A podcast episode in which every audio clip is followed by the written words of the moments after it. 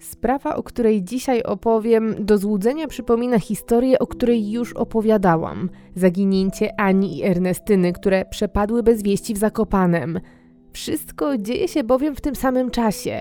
Zaginięcia te dzielą zaledwie dwa miesiące i oba przypadki łączy podobny przebieg wydarzeń, bo dwie pilne uczennice wyruszają na weekend, żeby realizować pasję i nigdy nie wracają do domu.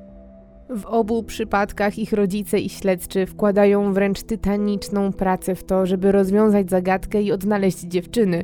I w obu przypadkach ma się wrażenie, że okoliczni doskonale wiedzą, co się stało. Dzisiejsza historia kończy się jednak inaczej, bo w tym wypadku prawda wychodzi wreszcie na jaw i to w zupełnie nieoczekiwanych okolicznościach.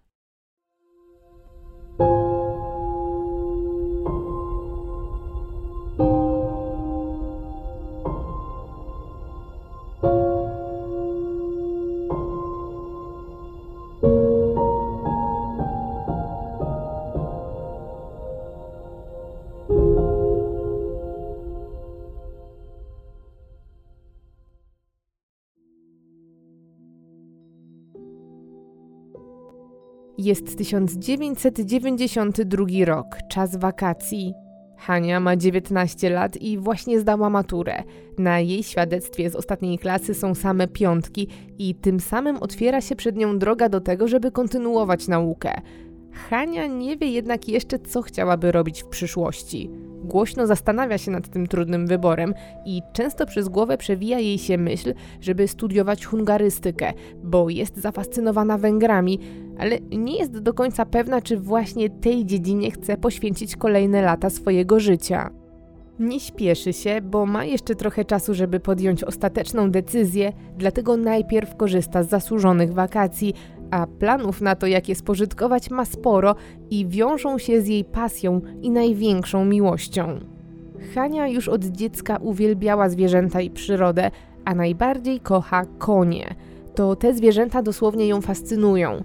W jej pokoju pełno jest gadżetów z wizerunkiem koni, na ścianie wisi kalendarz ze zdjęciami źrebaków, figurki, zeszyty, kartki. Wszystko w miarę możliwości przedstawia właśnie te zwierzęta ale jej zainteresowanie idzie o krok dalej, bo obrazki to dla Hani trochę za mało. Dziewczyna marzy o tym, żeby mieć własnego konia, którego mogłaby doglądać, opiekować się nim i przede wszystkim jeździć na jego grzbiecie, ale niestety na chwilę obecną musi to pozostać w strefie marzeń. Hania jest jeszcze bardzo młoda. Sama nie zarabia, ciągle mieszka z rodzicami w jednej z poznańskich willi i chociaż jej rodzice nie muszą martwić się o to, żeby związać koniec z końcem, mogą sfinansować córce dalsze kształcenie się i po prostu żyje im się dobrze, to jednak kupienie córce konia i utrzymywanie go jest już poza ich zasięgiem finansowym. Ale Hania, jako osoba zdeterminowana i skupiona na celu, znajduje sposób na to, żeby swoje marzenia o własnym koniu może nie do końca spełnić, ale nieco urzeczywistnić. Okazuje się, że wśród jej znajomych jest więcej osób kochających konie i jak po nitce do kłębka Hania dociera do jednego z dalszych znajomych, który posiada dwa konie i przechowuje je w zaprzyjaźnionej stajni w małej miejscowości na skraju Puszczy Noteckiej, w Zwierzyńcu. Zwierzyniec to mała osada w województwie wielkopolskim, która jest oddalona od rodzinnego Poznania Hani o około 100 kilometrów. Zamieszkuje ją zaledwie kilkadziesiąt osób. Jest tu pięknie, dziko i niesamowicie spokojnie. Hania, gdy tylko dowiaduje się o tym miejscu i przede wszystkim o koniach, od razu zaczyna działać. Deklaruje swoją chęć pomocy przy zwierzętach. Proponuje znajomemu, że zadba o jego konie, ale w zamian będzie mogła na nich pojeździć. Zresztą już samo obcowanie z nimi jest dla niej nie pracą, a nagrodą. Na szczęście Hani znajomy zgadza się na taki układ i dziewczyna razem z paczką znajomych rusza po raz pierwszy do zwierzyńca. Czekają ich ponad dwie godziny drogi PKS-em, który zawiezie ich do Międzychodu, a potem jeszcze kilkukilometrowy marsz, ale okazuje się, że wszystko warte jest zachodu. Hania dociera bowiem na skraj Puszczy Noteckiej do pięknego, starego domu z imponującym gankiem pełnym okien. Jest tu jak w bajce, a na dodatek na miejscu wita ich młody, uśmiechnięty gospodarz Marian, którego każdy nazywa Marysiem. Maryś od razu robi wrażenie, bo jest zaledwie dwa lata starszy od Hani i jej znajomych i mimo tak młodego wieku jest już właścicielem domu w zwierzyńcu i sporego kawałka ziemi, bo aż 15 hektarów. To właśnie u niego w stajni znajomy przechowuje swoje dwa konie, bo młody mężczyzna za niewygórowaną kwotę oferuje nie tylko dach dla zwierząt, ale i dla przyjezdnych. Maryś, mimo że pochodzi z wielodzietnej rodziny i ma zarówno siostry, jak i braci, to jest oczkiem w głowie swojej babci, która, żeby wyrazić swoją miłość do wnuka, przepisała mu połowę swojego pięknego starego domu, ziemię, ale też liczne zwierzęta gospodarskie, przede wszystkim świnie i krowy. Starsza kobieta nie przewidziała jednak jednej rzeczy. Maryś chętnie przyjął cały majątek, ale nie do końca widział się w roli gospodarza – jak szybko stał się właścicielem trzody, tak szybko zaczął wyprzedawać inwentarz i zostawił sobie tylko część przekazanego mu domu, do którego się wprowadził, oraz ziemię.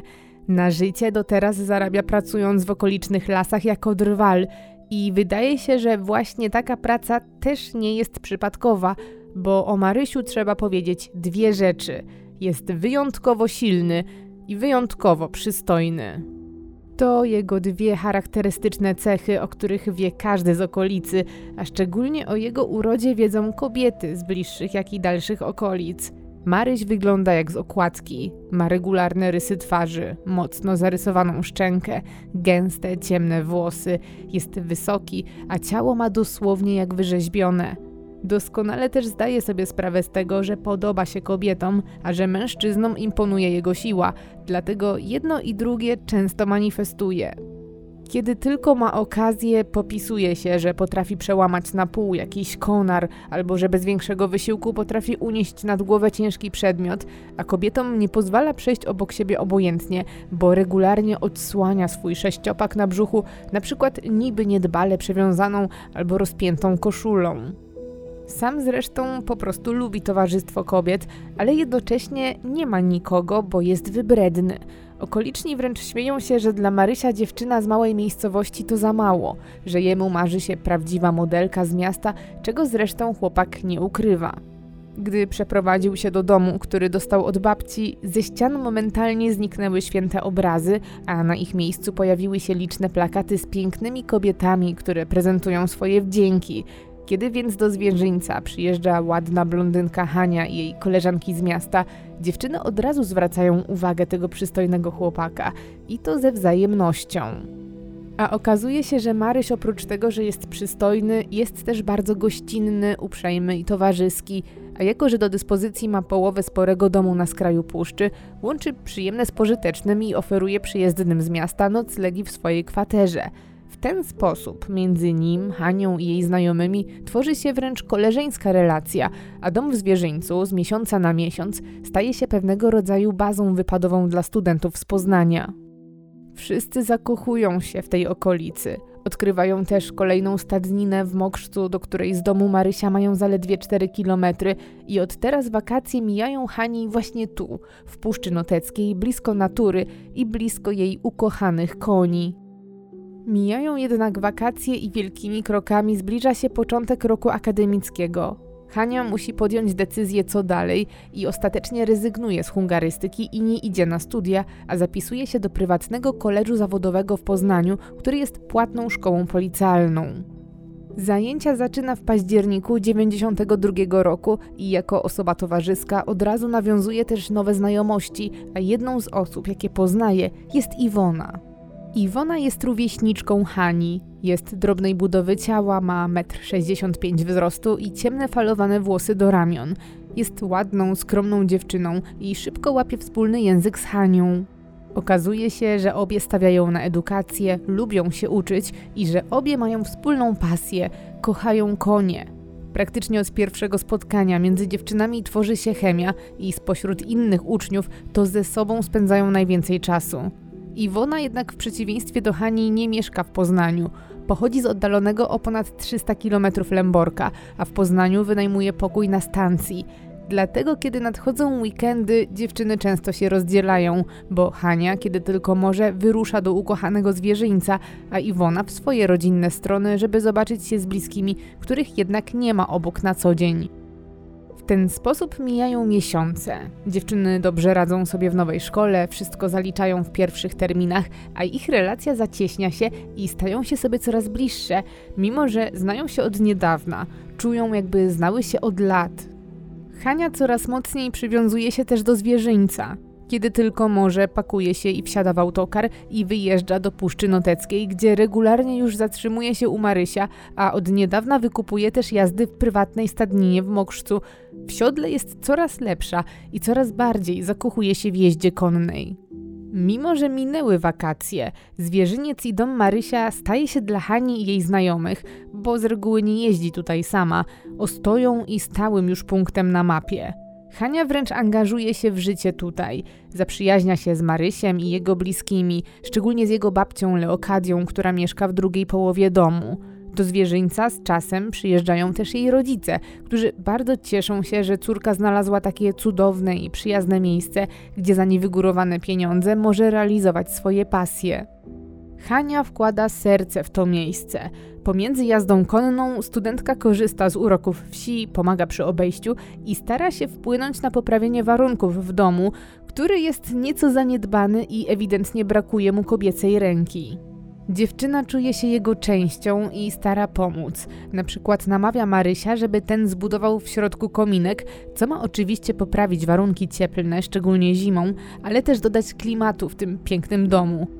Maryś na całe szczęście nie boi się takich zmian i wręcz liczy się ze zdaniem Hani i za jej namową rzeczywiście stawia kominek, przy którym jak się okazuje teraz wszyscy chcą spędzać wieczory. Z każdym kolejnym tygodniem staje się jasne, że młody gospodarz szanuje dziewczynę z miasta i zresztą okazuje jej nawet swoją sympatię. Zwierzyniec zaczyna nawet w pewnym sensie przeplatać się z Poznaniem. Z biegiem czasu rodzice Hani coraz bardziej lubią Marysia, który nawet raz nocuje u nich w domu w pokoju gościnnym.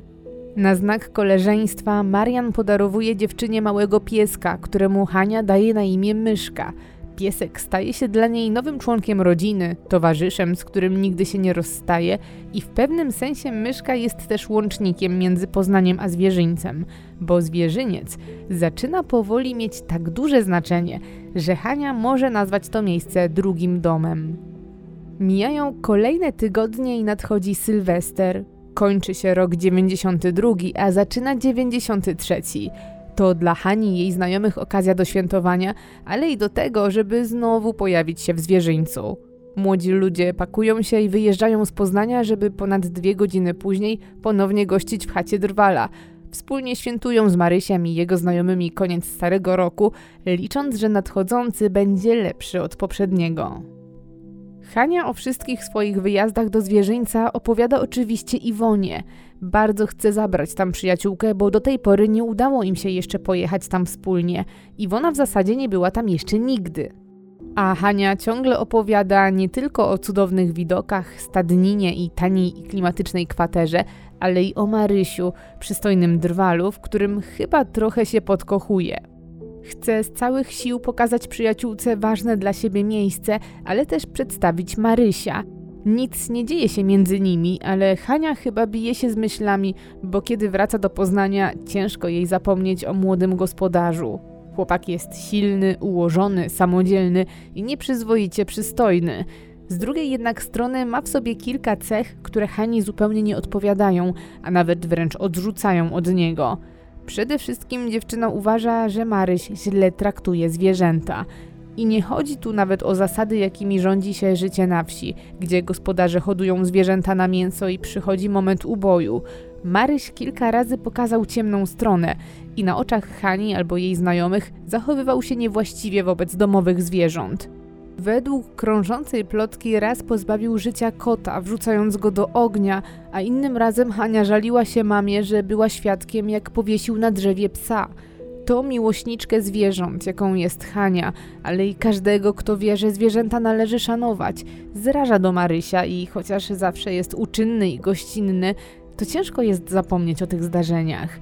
Hani zależy więc na tym, żeby pokazać przyjaciółce zwierzyniec, ale też chce bardzo poznać jej zdanie na temat lokalnego drwala. Taka okazja wreszcie się nadarza, gdy nadchodzi marzec 93 roku. Przyjaciółkom w końcu udaje się zorganizować wspólny wyjazd do zwierzyńca. Iwona po raz pierwszy zobaczy miejsce tak ważne dla jej przyjaciółki i być może sama się w nim zakocha. Dziewczyny tym razem planują jechać tylko we dwie i przede wszystkim skupić się na jeździe konno, dlatego z wyprzedzeniem wykupują jazdy w stajni w Mokrzcu i to na cały weekend. Plan na wyjazd jest więc napięty, bo chcą spędzić całą sobotę i niedzielę w siodle, a dopiero w międzyczasie Hania zapozna Iwonę z okolicą.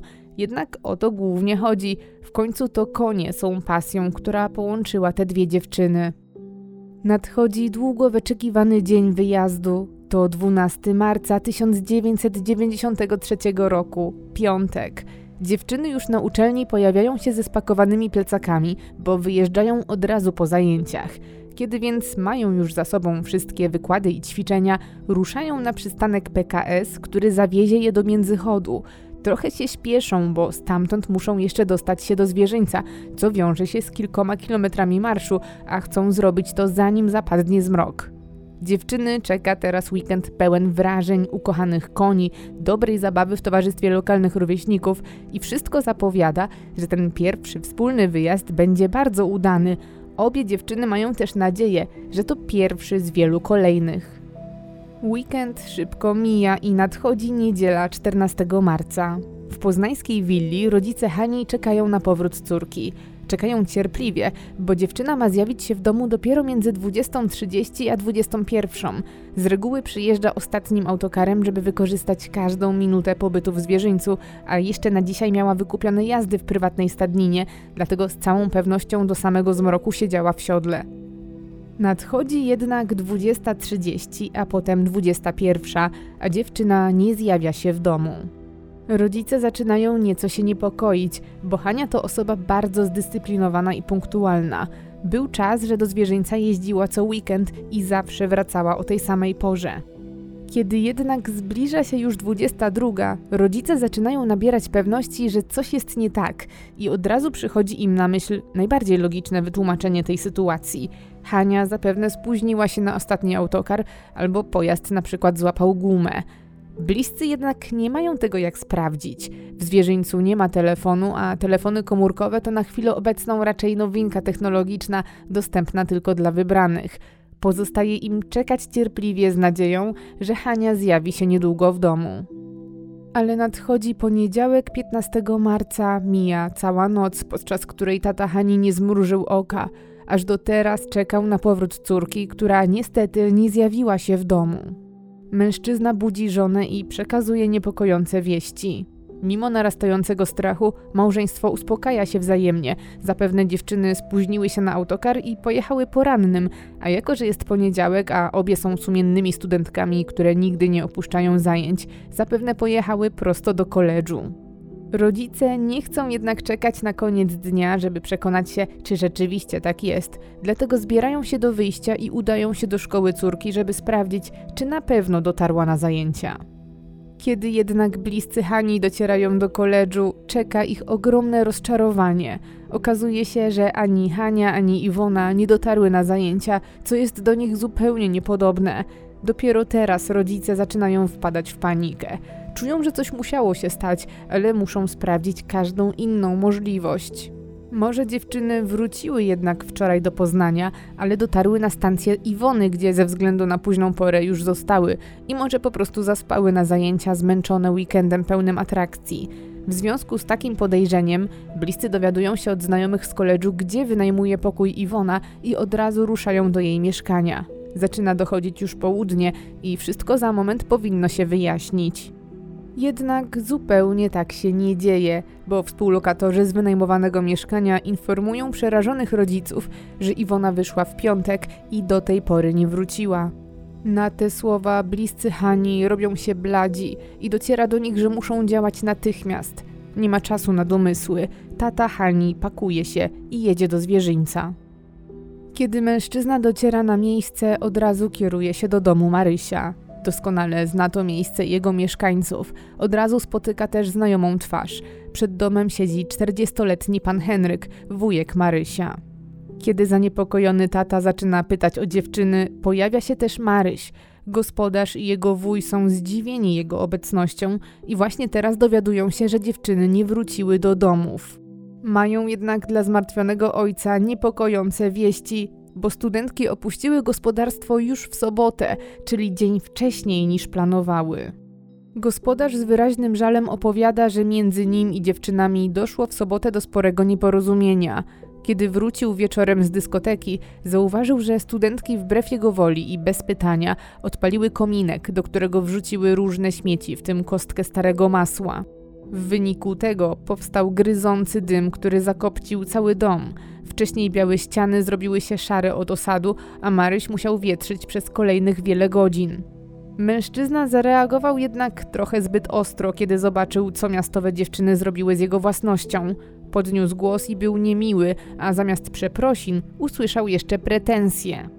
Okazało się, że w międzyczasie zaginął pies Hani, myszka, i dziewczyny w trakcie sprzeczki zaczęły oskarżać Marysia, że to on zrobił coś zwierzęciu. Gospodarz przyznaje, że to już całkowicie wyprowadziło go z równowagi i nie przebierał w słowach. Urażony brakiem wdzięczności i szacunku, kazał dziewczynom po prostu się wynosić ze swojej ziemi. Studentki także uniosły się honorem i urażone wzięły wszystko, co miały pod ręką i wyszły z chaty drwala. Mimo, że było już bardzo późno, bo okolice 23 poszły w stronę puszczy, która zaczyna się tuż za płotem gospodarstwa. Maryś wspomina, że widział tylko jak oddalają się w ciemności i to bez latarek, ale zły na ich zachowanie zupełnie się tym nie przejął. Dopiero teraz zaczyna do niego docierać, że wszystko co się stało było niepotrzebne i że mógł przecież je zatrzymać. Te słowa potwierdza też jego wuj Henryk, który sam był świadkiem wydarzeń. Obaj wyglądają na zmartwionych i zmieszanych sytuacją, bo wszystko wskazuje, że młode dziewczyny kierowane emocjami ruszyły same nocą w dziki las. Tata Hani jest przerażony, słysząc relację Marysia. Kiedy mężczyzna rozmawia z gospodarzem, żeby wyciągnąć od niego każdy szczegół, dzieje się coś, co powoduje, że przerażonemu ojcu jeżą się włosy na głowie. Nagle z domu wybiega myszka, pies Hani, z którym dziewczyna przecież nigdy się nie rozstawała. Ojciec utwierdza się tylko w tym, że córka nie opuściłaby zwierzyńca bez swojego ukochanego pieska. Zaczyna docierać do niego, że być może jego dziecko błądzi w lesie od soboty i że może stało się tam coś złego. Rusza więc na oślep w kierunku, w którym poszły dziewczyny, ale szybko orientuje się, że takie działania nie mają sensu. W godzinach popołudniowych, po samodzielnym i bezskutecznym przeszukaniu okolicy, udaje się na posterunek policji w Międzychodzie, gdzie zgłasza zaginięcie swojej córki. Nadchodzi kolejny dzień, to wtorek 16 marca. Minęła kolejna noc, a Hania i Iwona ciągle nie dają znaku życia. Tata Hani ponownie rusza do zwierzyńca, gdzie ostatni raz widziane były studentki. Tym razem już nie sam, a w asyście policjanta z Międzychodu ruszają tropem zaginionych i wspólnie udają się na skraj puszczy do domu Marysia. Za jego zgodą i w jego towarzystwie obchodzą całe podwórze, zaglądają też do środka domu, szukają jakiejkolwiek wskazówki, która podpowiedziałaby, dokąd mogły udać się dziewczyny. Kiedy wchodzą do środka, od razu trafiają do dużego pomieszczenia z kominkiem i nie da się nie zwrócić uwagi na to, że rzeczywiście całe pomieszczenie jest zakopcone, a zapach, który unosi się w powietrzu, jest okropny i mimo upływu dni ciągle nie wywietrzał. To właśnie, jak opowiadał Maryś, efekt wrzuconych do ognia śmieci i powód kłótni. Gospodarz stara się teraz usunąć szkody, dlatego też na stole stoi duże blaszane wiadro z wapnem, a ściany są częściowo pomalowane. Policjant w towarzystwie ojca Hani rzuca okiem na prace remontowe i zagląda do kolejnych pomieszczeń, ale nic nie znajduje. To kolejny dzień bez żadnych nowych wieści. Nadchodzi kolejny dzień, to środa 17 marca. Wieść o tym, że Hania i Iwona przepadły bez śladu, roznosi się w ekspresowym tempie, ale dopiero teraz dociera do rodziców Iwony, którzy nie mieli z nią tak częstego kontaktu jak rodzice Hani ze swoją córką. Iwona mieszkała w innym mieście i w domu bywała od czasu do czasu. O zaginięciu dowiadują się więc dopiero teraz i od razu ruszają na policję. Fakt, że studentki nie wróciły do domu z weekendu w puszczy dociera też do ich znajomych, którzy nie potrafią czekać bezczynnie. Dlatego też w środę do zwierzyńca przyjeżdża Zuzia, koleżanka Hani, z którą dziewczyna przyjeżdżała tu wielokrotnie. I ona w towarzystwie policjanta udaje się do domu Marysia. Doskonale zna to miejsce i doskonale zna gospodarza. Być może to właśnie ona, prędzej niż tata Hani, zwróci uwagę na coś istotnego. Studentka już na wejściu zauważa, że wnętrze jest rzeczywiście prawie całe odmalowane, chociaż jak twierdzi, nigdy nie było tutaj biało. Stara się pomóc i zagląda do wszystkich pokoi, przygląda się uważnie każdemu pomieszczeniu, a jej uwagę zwraca jeden pokój, w którym zawsze spali, gdy przyjeżdżali tu paczką znajomych. To, co od razu rzuca jej się w oczy, to fakt, że brakuje jednego łóżka, które jeszcze ostatnio stało pod ścianą. Informuje o tym policjanta, który z kolei pyta Marysia, co stało się z meblem, ale ten twierdzi, że jako że było to łóżko, które wszyscy nazywali żartobliwie łóżkiem do umierania i na którym i tak nikt nie chciał spać, to po prostu przerobił je na ławę. Funkcjonariusz nie czuje się jednak usatysfakcjonowany tą odpowiedzią i zaczyna przyglądać się wnętrzu dokładniej. Wtedy zauważa kilka dziwnych śladów i podejmuje decyzję, że należy je zabezpieczyć. Jeszcze tego samego dnia, po południu, w domu na skraju puszczy pojawiają się kolejni policjanci z międzychodu. Tym razem wspólnie dokładnie przeszukują dom, a wszystko dla pewności nagrywają na kasetę wideo. Policjanci dosyć szybko zwracają uwagę na wszystkie drzwi do pokoju kominkowego, gdzie widoczne są małe brunatne plamy. Nie da się też nie zauważyć jednej dużej plamy przy podstawie kominka, która przypomina tłuszcz. Policjanci od razu pytają gospodarza o wszystko to, co ich niepokoi, ale Maryś tłumaczy, że przecież są na wsi i wiele razy, gdy zabił kurę czy koguta, mógł ubrudzić drzwi, a tłusta plama przy kominku to właśnie efekt wrzuconego do ognia starego masła. Mimo, że te tłumaczenia rzeczywiście brzmią spójnie i logicznie, a Marysi zupełnie nie sprawia wrażenia kogoś, kto chce utrudniać poszukiwania, policjanci zabezpieczają materiał, by na wszelki wypadek potwierdzić jego słowa. Pobierają próbki z drzwi i wycinają kawałek drewnianej podłogi. Szukają też dalej i odnajdują następne niepokojące ślady.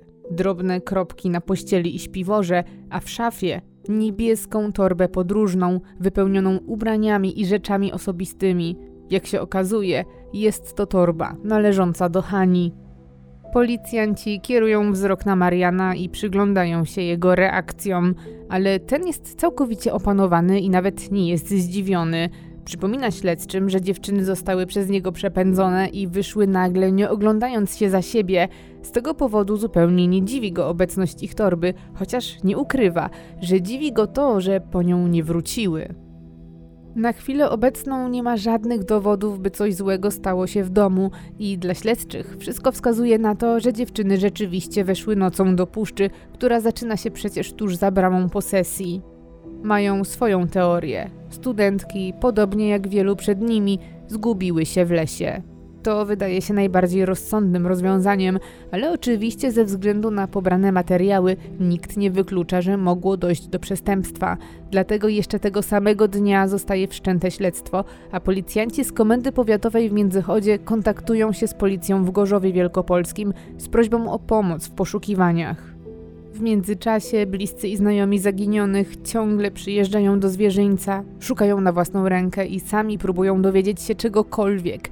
Niestety i ich starania nie przynoszą efektu. Pod znakiem niepewności mija kilka dni i nadchodzi 20 marca, to sobota. Rodzice zaginionych są coraz bardziej przerażeni, bo Hania i Iwona widziane były ostatni raz tydzień temu. Dzięki ich staraniom dzisiaj w lokalnej prasie ukazuje się pierwszy komunikat o ich zaginięciu, a nagłośnienie informacji o poszukiwanych studentkach to jedna z wielu desperackich prób, by je odnaleźć. To jednak nie jedyne starania, bo bliscy Iwony są właśnie w drodze do jasnowidza Krzysztofa Jackowskiego. Są gotowi skorzystać z każdej, nawet kontrowersyjnej metody, by odnaleźć córkę. Gdy docierają na spotkanie, Jasnowic od razu zabiera się do pracy i niedługo później przekazuje zrozpaczonym rodzicom swoją wizję. Z pełną stanowczością twierdzi, że obie dziewczyny niestety nie żyją, a jedna z nich na pewno została uduszona. Twierdzi też, że ich ciała znajdują się bardzo blisko miejsca, w którym zaginęły i że to właśnie tam rodzina musi ich szukać. Opowiada, że widzi stary, zaniedbany dom usytuowany nad lasem, młodego człowieka i starszych ludzi, którzy jednak nie mają nic wspólnego ze sprawą. Jest przekonany, że bliscy, którzy zgłosili się do niego, muszą szukać właśnie tam, ale już tylko ciał, bo dziewczyny z całą pewnością nie żyją. Rodzice Iwony z niedowierzaniem przyjmują od jasnowidza kartkę z zapisanymi szczegółami. Nie dopuszczają do siebie tak tragicznej myśli. Uważają, że mężczyzna się myli i ich córka na pewno żyje. Dwa dni później, w poniedziałek 22 marca, do zwierzyńca przybywają policjanci z Gorzowa, którzy są tu, by wesprzeć w poszukiwaniach funkcjonariuszy z Międzychodu.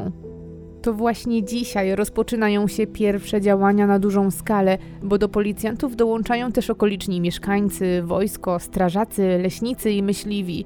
Łącznie około 200 osób przeczesuje puszczę od bramy na posesję Marysia w głąb lasu. Mimo tak ogromnego zaangażowania, po kilkunastu godzinach prac wszyscy zmuszeni są przerwać, bo robi się już ciemno i nie udało się trafić na żaden trop.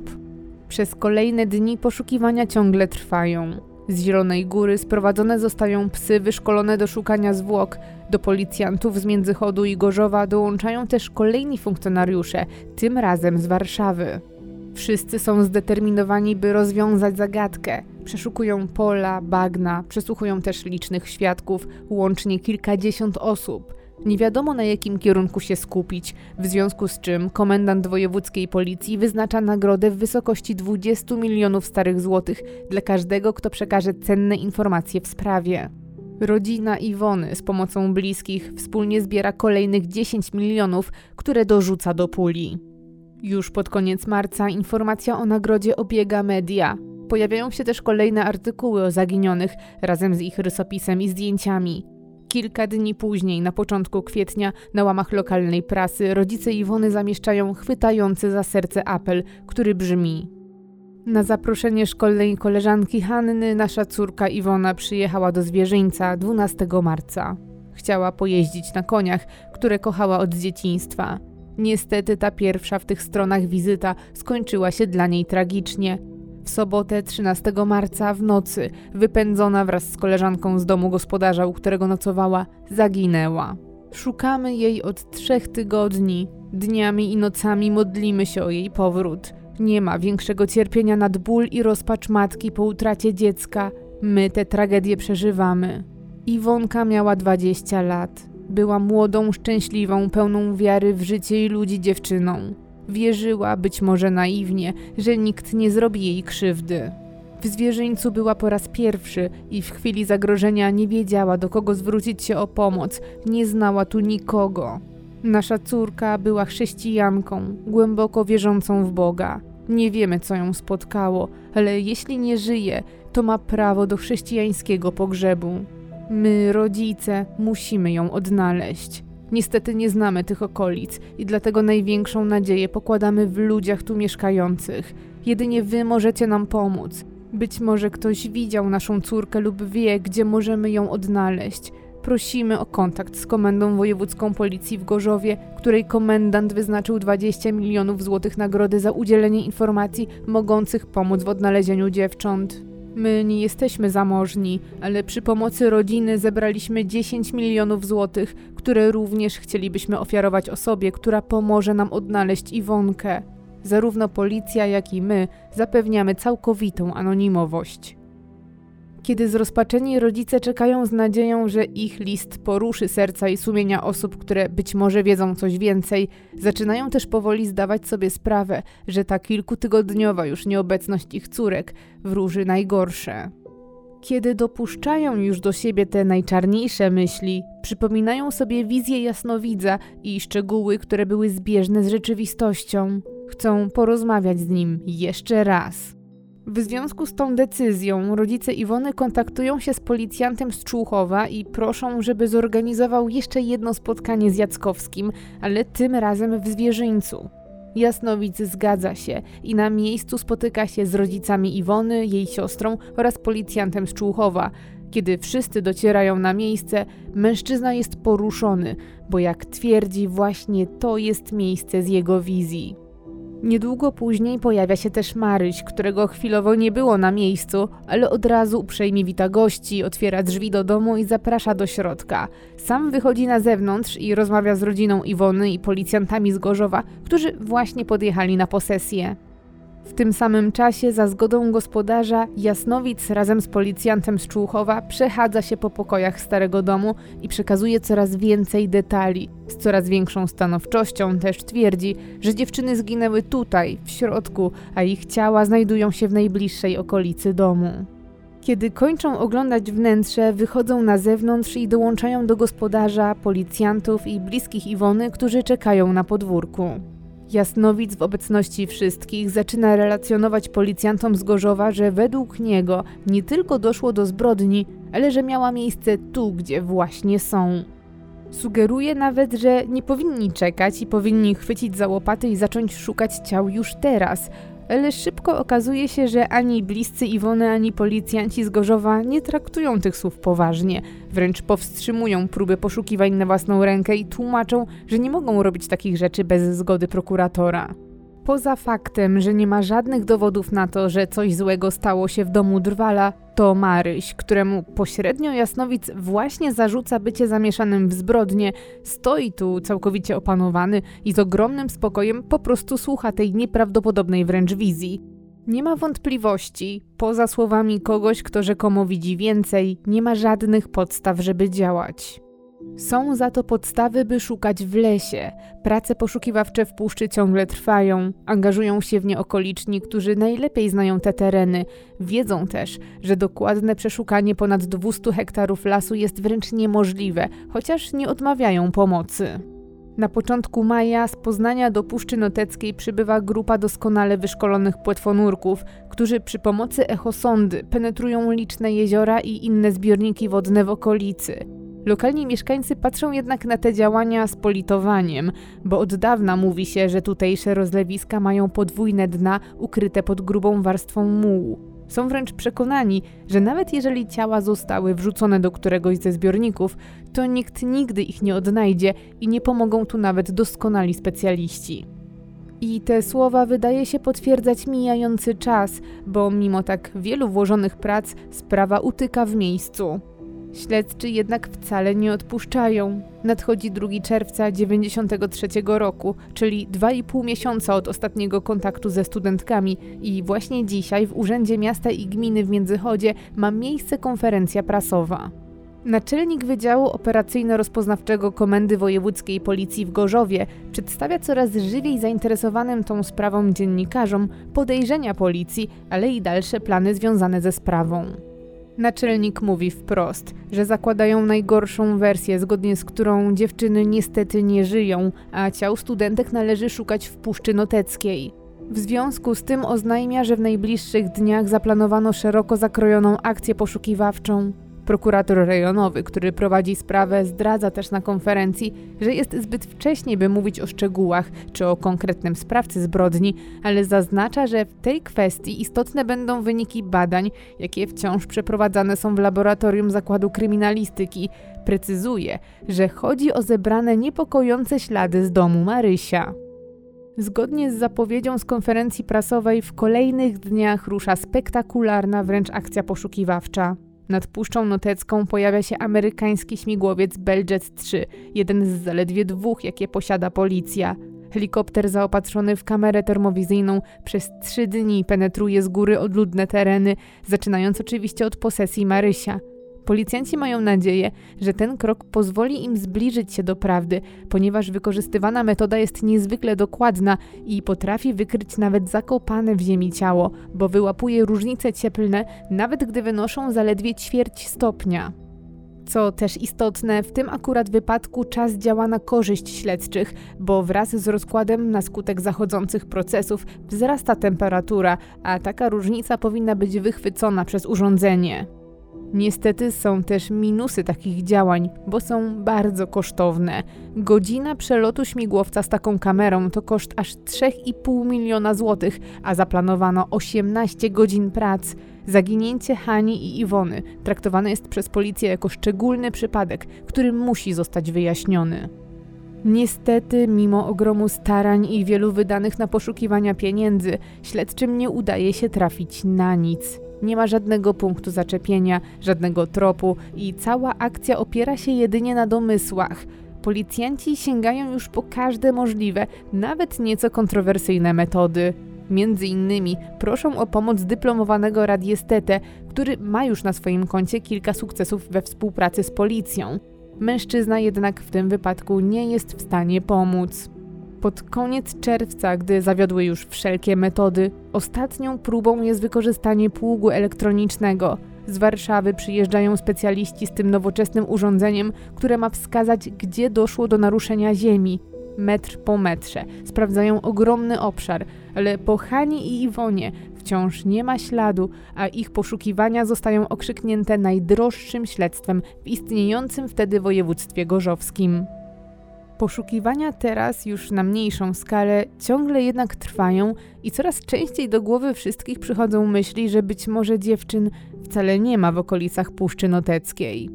To z jednej strony złe, ale z drugiej strony dobre wieści, bo przynoszą nadzieję na to, że studentki jednak żyją. Policja i bliscy zaginionych skupiają się na tym, żeby jeszcze szerzej rozpowszechnić informacje o ich zaginięciu, szczególnie, że sprawa zaczyna być coraz częściej łączona z innym zaginięciem licealistek z Warszawy, Ani i Ernestyny. Być może te sprawy są w jakiś sposób powiązane, być może są to działania zorganizowanej grupy przestępczej. Jeżeli więc dziewczyny zostały wywiezione za granicę, ktoś musiał je widzieć. W mediach coraz częściej pojawiają się komunikaty z wizerunkiem dziewczyn, a to przynosi efekt. Na policję zgłasza się osoba, która twierdzi, że dziewczyny poznały w stajni młodych Niemców, w związku z czym policja z Międzychodu od razu kontaktuje się z policją niemiecką. Szybko jednak okazuje się, że ten trop prowadzi donikąd, bo paszporty Hani i Iwony leżą w domach i nigdzie nie odnotowano, by kobiety o takich personaliach przekraczały granice. W wersję o ucieczce z młodymi obcokrajowcami nie wierzą poza tym bliscy, szczególnie rodzice Hani, bo to właśnie ona była bardzo silnie związana ze swoimi rodzicami. Razem z coraz częstszym przekazem medialnym pojawiają się też nowe doniesienia i na policję zgłasza się jedna osoba, która jest przekonana, że widziała Iwonę i Hanie w telewizji, gdy transmitowano uruchomienie nowego połączenia międzynarodowego na lotnisku w Pyrzowicach. Zgłaszający się mężczyzna twierdzi, że jest pewien, że to właśnie podczas relacji z tego wydarzenia widział, jak łudząco podobne kobiety wchodziły na pokład rejsowego samolotu i to z bagażami. Ta informacja zostaje oczywiście sprawdzona, ale szybko okazuje się, że to kolejny ślepy zaułek. Pojawia się też dwóch niezależnych świadków z międzychodu, którzy są przekonani, że widzieli dziewczyny w mieście w kwietniu i w maju. Te wszystkie napływające zewsząd informacje tworzą więc ogromny chaos, ale i dają nadzieję, szczególnie, że chcących pomóc, jak widać, nie brakuje. Na policję zgłaszają się liczni jasnowidze, którzy chcą przedstawić swoją wersję, a zrozpaczeni bliscy łapią się wszystkiego i kontaktują się z każdym, kto oferuje pomoc. Pewnym momencie jest ich już tak wielu, że rodzice zaginionych studentek nie nadążają z przekazywaniem zdjęć i rzeczy osobistych Hani i Iwony. Często dosłownie wręcz drą na kawałki ich ubrania, żeby nie zabrakło dla kolejnych. Tajemniczość tej sprawy budzi duże emocje, dlatego dziennikarze stają się stałymi bywalcami tej małej osady, a miejscowi coraz śmielej wypowiadają się na temat tego przedziwnego zaginięcia. Szybko okazuje się, że mieszkańcy Zwierzyńca i okolicznych wsi już od dawna mają swoje teorie na temat tego, co się stało. Wielu z nich opowiada, że prawda ciągle kryje się właśnie tutaj i że szukać trzeba w domu drwala. Kilku mieszkańców Międzychodu mówi wprost, że Maryś i jego rodzina jest znana w okolicy od lat i że za nic mają życie krowy, kury czy psa albo kota. Ojciec młodego drwala w okolicy nazywany jest carem i znany jest z tego, że jest porywczy.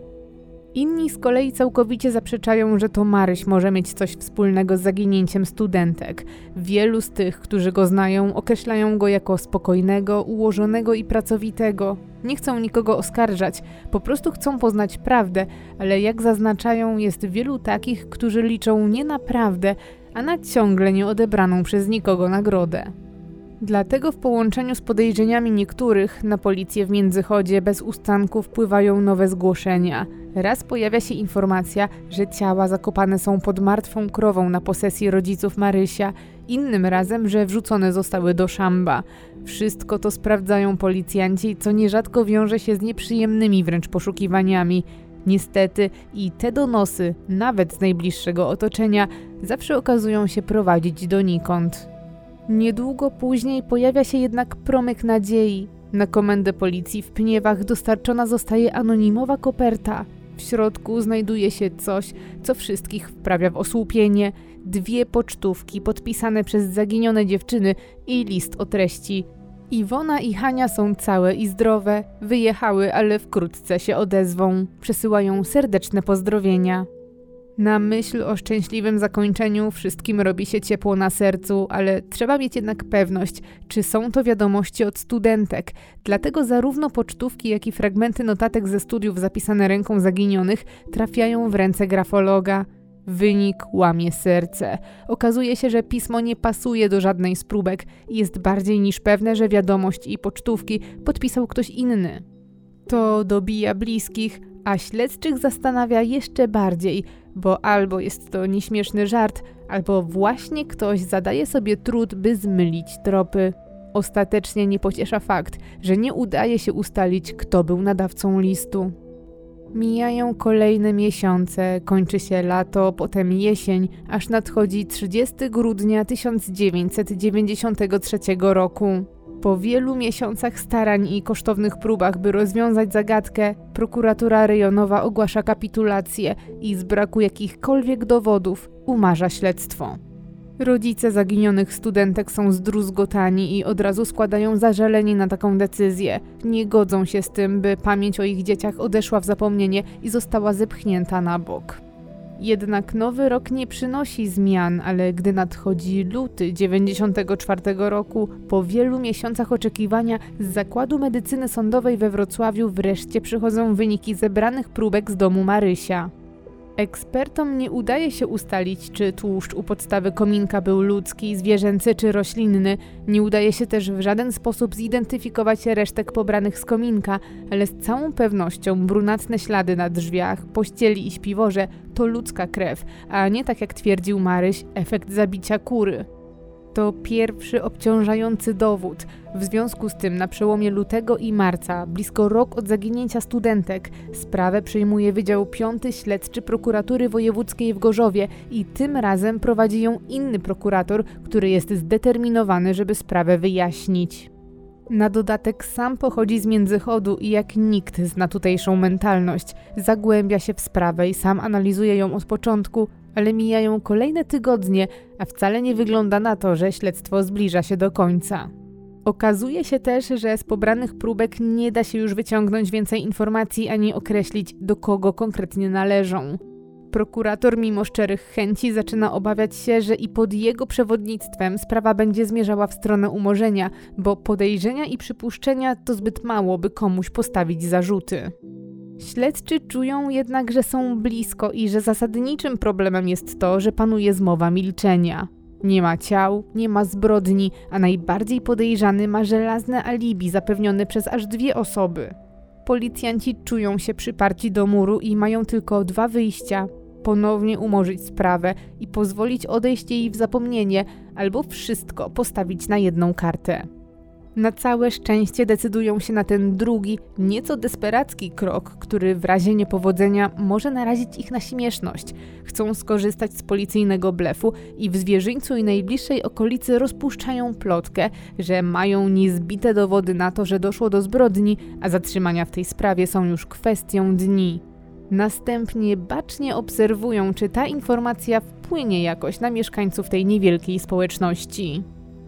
Nie trzeba długo czekać, bo prawie od razu na policję w Międzychodzie zgłasza się pewien mężczyzna. Twierdzi, że ma ważne informacje. Opowiada śledczym, że tuż po tym, gdy okolice obiegła wieść o zatrzymaniach, zjawił się u niego wuj Marysia, pan Henryk, i przy tej okazji miał nietypową prośbę.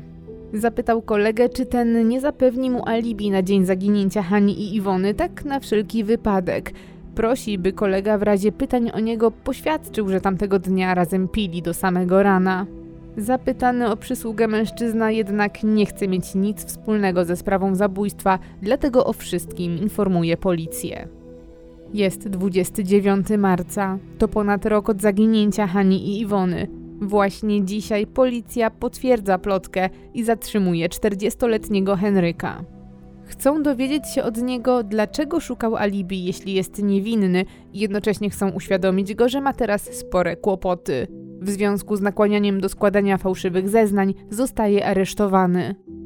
Z mężczyzną od razu zaczyna rozmawiać prokurator, który jako okoliczny szybko nawiązuje wspólny język z wujem Henrykiem i ku zaskoczeniu śledczych, milczący od ponad roku mężczyzna zaczyna teraz mówić, a jego szczątkowe relacje są szokujące.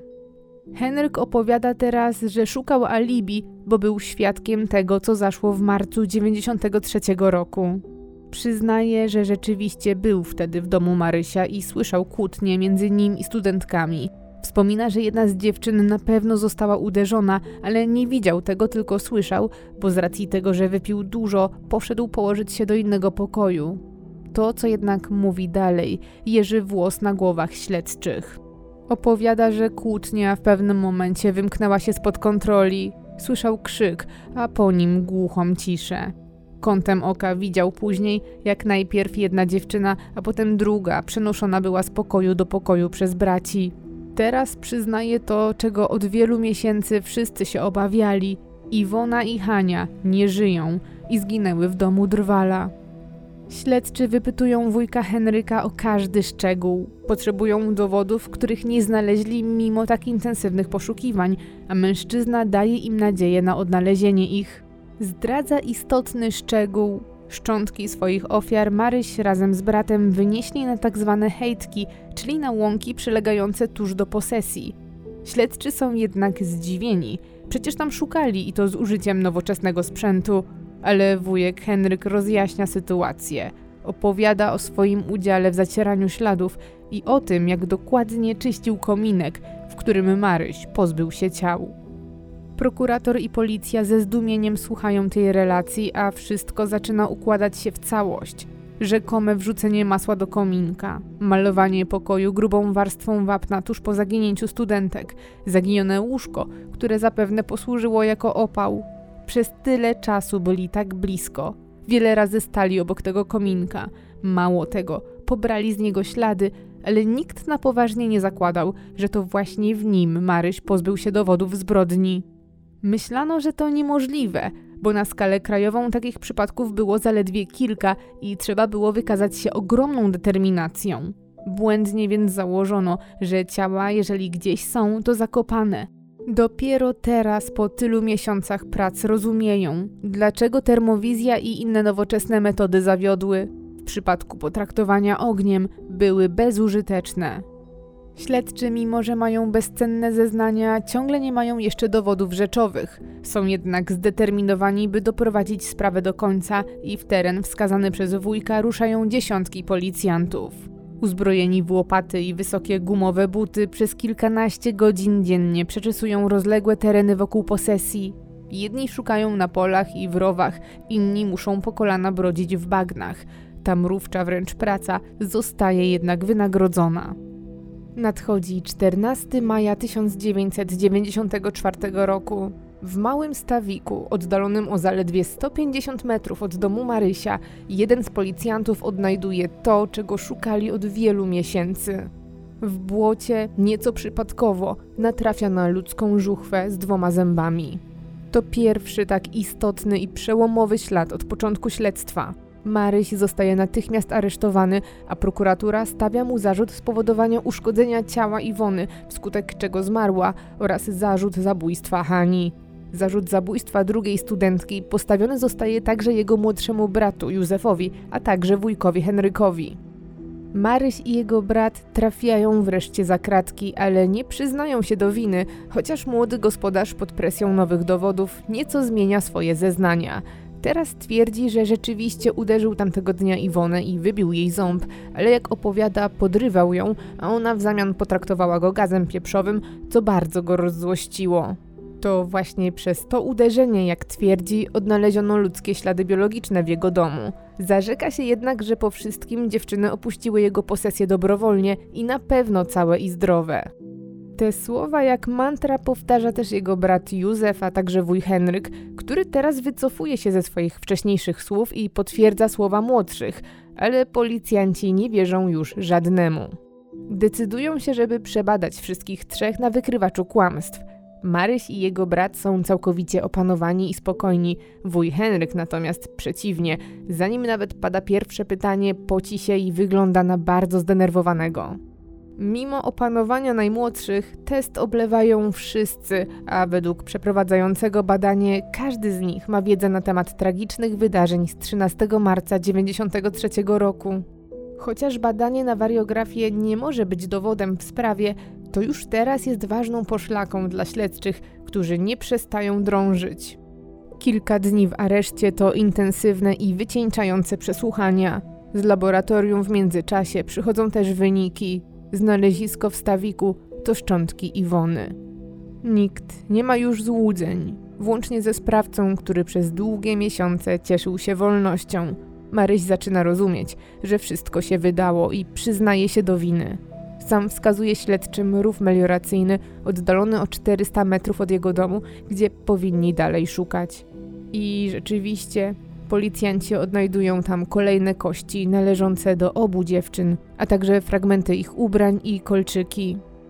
Pod koniec maja 1994 roku ma miejsce pierwsza wizja lokalna, w której bierze udział Marian, Podczas niej próbuje forsować wersję o tym, że za dużo wypił i gdy obudził się, już zastał ciała w kominku.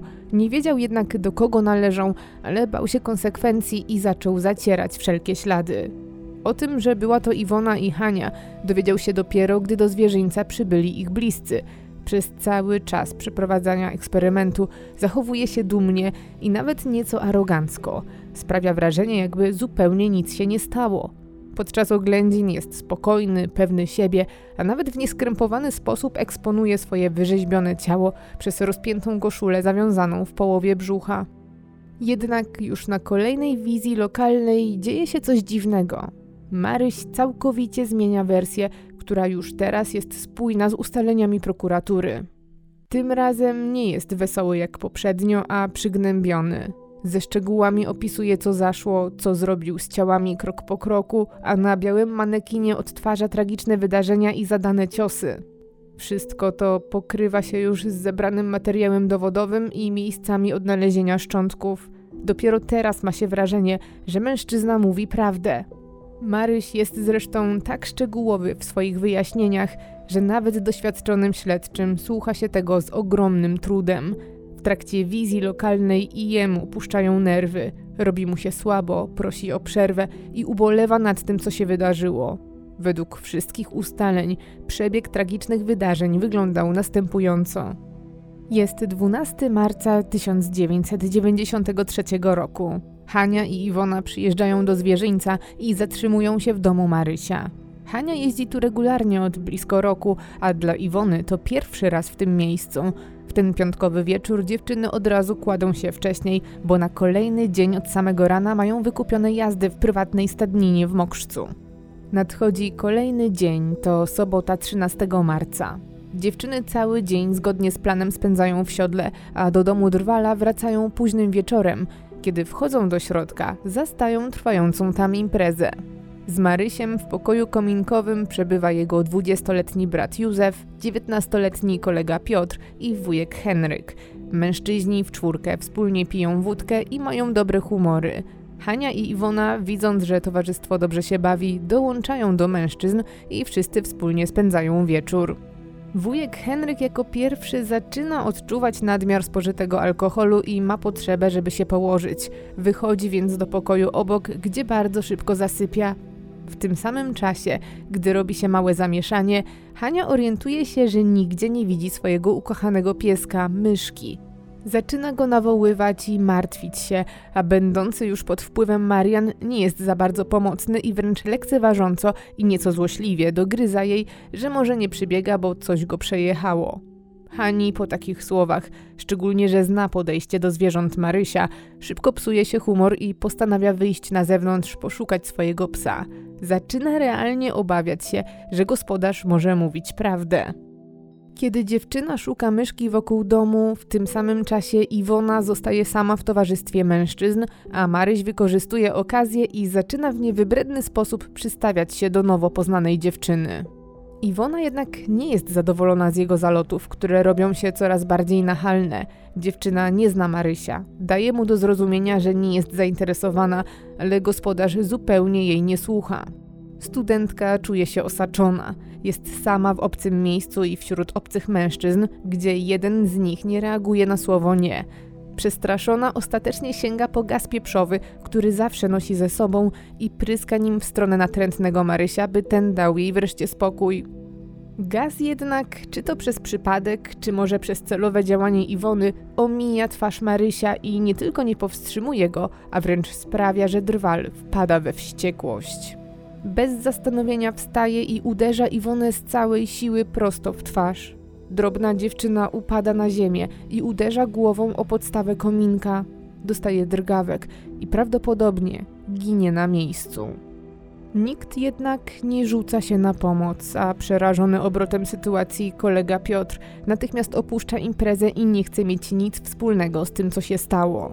W tym samym czasie niczego nieświadoma Hania ciągle na zewnątrz nawołuje swojego psa, a Maryś ze swoim bratem Józefem przenoszą ciało Iwony do jednego z pokoi.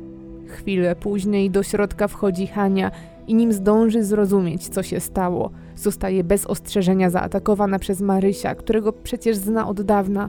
Gospodarz kopie ją w brzuch i krtań, a potem pozbawia życia. W następnych dniach Maryś pozbywa się ciał w kominku, a potem w ognisku za stodołą. Popiół i małe niedopalone fragmenty rozrzuca w różnych miejscach na terenie swojej posesji. Angażuje wujka Henryka w sprzątanie i odmalowywanie pokoju. Gdy w poniedziałek przyjeżdża do niego zaniepokojony tata Hani, gra zmartwionego. Z policją współpracuje później i to ochoczo i w świetnym nastroju. Wręcz ani razu nie drgnie mu nawet powieka, kiedy ktoś pyta go wprost, czy wie co stało się z dziewczynami. Nie okazuje ani grama uczuć, gdy stojący tuż obok niego jasnowic wprost sugeruje, że w jego domu doszło do zbrodni. Przez ponad rok zwodzi lokalną policję, która go zna i która po prostu mu wierzy. Zwodzi też rodziców Hani. W międzyczasie prowadzi zresztą normalne życie. Zakochuje się w dużo młodszej dziewczynie z okolicy, z którą snuje plany na przyszłość i jest cały czas przekonany, że wszystko ujdzie mu na sucho. Bardzo się jednak myli, gdy ostatecznie rozsiana przez policjantów plotka łamie najsłabsze ogniwo tej zbrodni jego wujka. Od przyznania się do winy mija rok i nadchodzi 25 maja 1995 roku. Właśnie dzisiaj w Gorzowskim Sądzie Wojewódzkim rusza proces, w ramach którego zaplanowano 11 rozpraw, a powołanych jest kilkudziesięciu świadków. Oskarżony o zabójstwo dwóch studentek Maryś na sali stawia się z nogą w gipsie i okulach. Jak twierdzi, złamał ją spadając z łóżka. Teraz odwołuje wszystkie swoje wcześniejsze zeznania i nie przyznaje się do winy. Przedstawia też czwartą już wersję wydarzeń. Tym razem twierdzi, że feralnej nocy pił z nim jedynie wujek Henryk, który poszedł spać, oraz bliżej nieokreślony mężczyzna o imieniu Zbyszek. Według Mariana to właśnie rzekomy Zbyszek pozbawił życia obie studentki. Marian zasłania się teraz niepamięcią. Twierdzi, że stracił przytomność, a gdy ocknął się, Zbychu kończył zacieranie śladów. Bał się konsekwencji, dlatego razem z wujkiem Henrykiem pomogli tajemniczemu mężczyźnie. Jedyną prawdą, jaką do tej pory powiedział, było wskazanie rowu melioracyjnego z dowodami zbrodni. Winę wziął wcześniej na siebie, bo prokurator za przyznanie się obiecał mu, że uwolni jego brata Józefa, a dodatkowo zaoferował mu alkohol. Kiedy jednak sąd dopytuje, kim jest Zbyszek i dlaczego nikt wcześniej o nim nie wspominał, Maryś gubi się w zeznaniach i nie potrafi udzielić żadnych sensownych odpowiedzi. Następnego dnia przed sądem wyjaśnienia składają kolejni oskarżeni. Młodszy brat Józef, oskarżony o współudział, i kolega Piotr, któremu zarzuca się, że nie poinformował organów ścigania o zbrodni. I oni odwołują swoje wcześniejsze słowa i teraz twierdzą, że w ogóle nie było ich podczas imprezy. Owszem, przyjechali tamtego dnia do Marysia, ale od razu odjechali, bo nikogo w domu nie było. Mężczyźni przyznają, że wiedzieli o tym, że Marian pokłócił się ze studentkami, ale że skończyło się to wyrzuceniem ich z domu. O tym, że doszło do zbrodni, dowiedział się tylko jego brat Józef, jednak dwa tygodnie później, poza wiedzą o tym, że coś się wydarzyło, nie mieli nic wspólnego ze zbrodnią.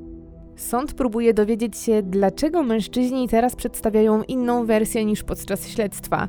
Józef tłumaczy, że nie czytał protokołu z przesłuchań i nie wie, co było tam zapisane, a teraz mówi prawdę. Piotr z kolei mówi, że jego wyjaśnienia są takie same jak wcześniej i że być może to w protokole było przedstawione coś inaczej, ale on przez nieczytelne pismo policjanta nie mógł tego wychwycić. Na koniec tych dziwnych tłumaczeń pada pytanie, czy mężczyźni wiedzą coś o niejakim Zbyszku, ale żaden z oskarżonych takiego nie kojarzy. Nadchodzi 12 czerwca, to trzeci dzień procesu. Dzisiaj zeznaje wujek Henryk i odczytana zostaje też m.in. opinia w sprawie jego kondycji psychicznej. Jak się okazuje, mężczyzna w znacznym stopniu ma ograniczoną zdolność do rozpoznawania znaczenia własnych czynów i tym samym kierowania swoim postępowaniem.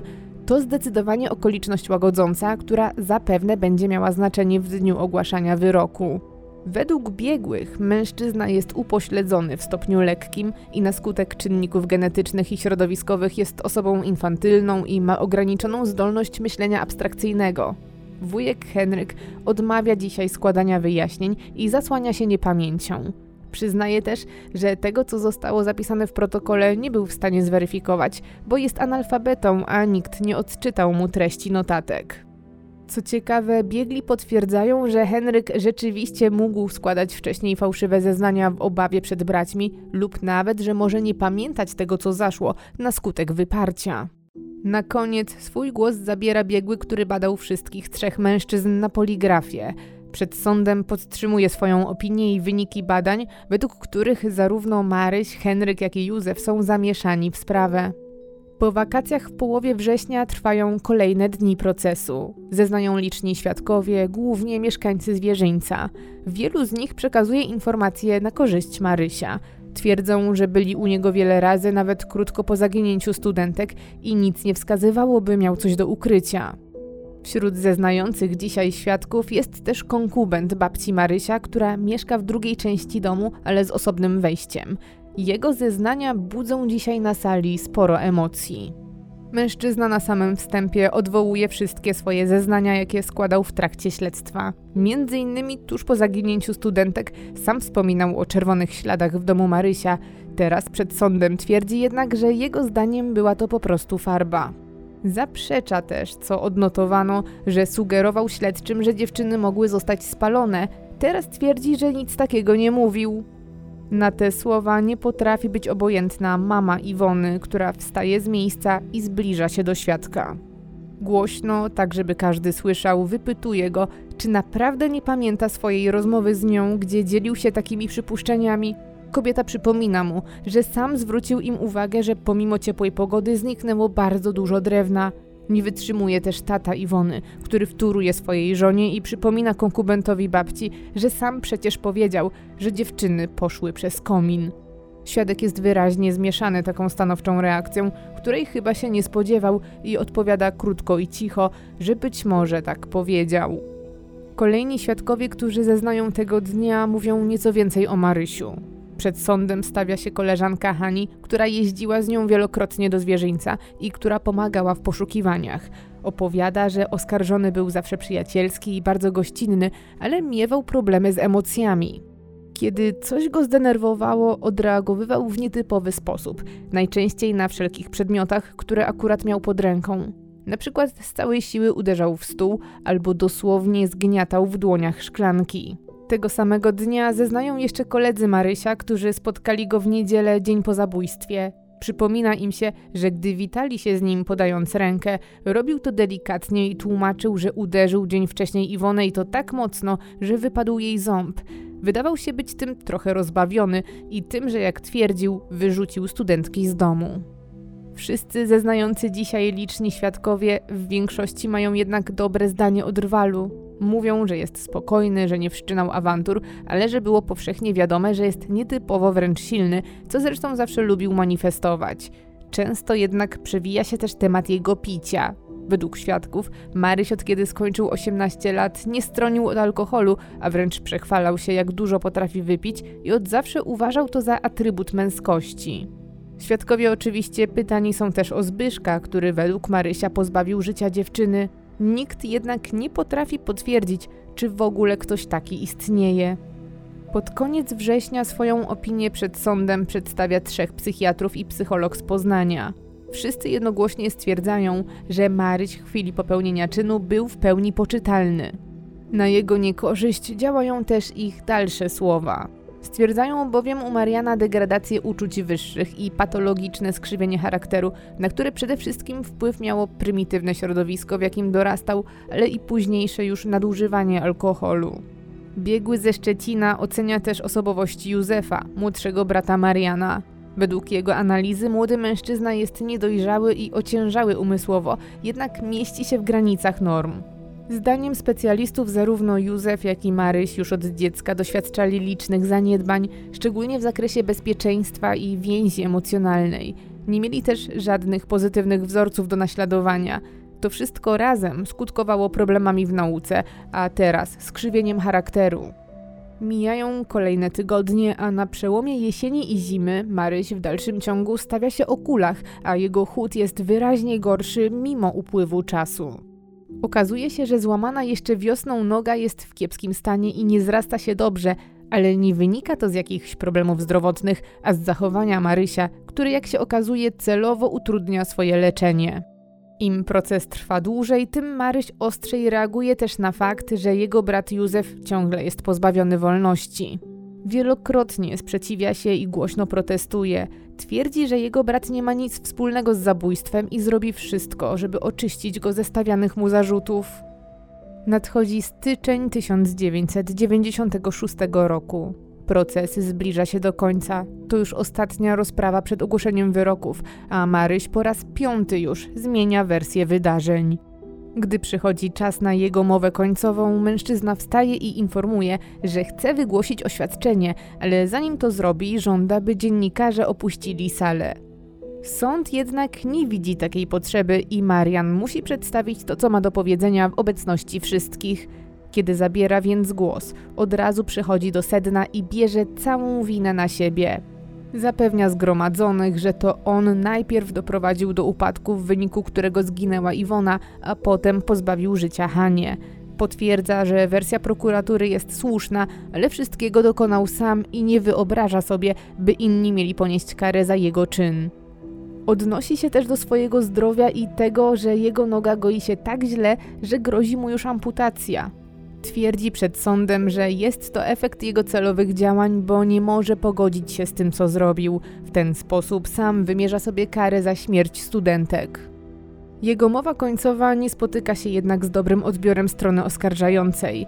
Jak podkreśla prokurator, kolejna już wersja wydarzeń to prędzej przejaw cynizmu Mariana i dowód na to, że nie traktuje poważnie tej tragedii.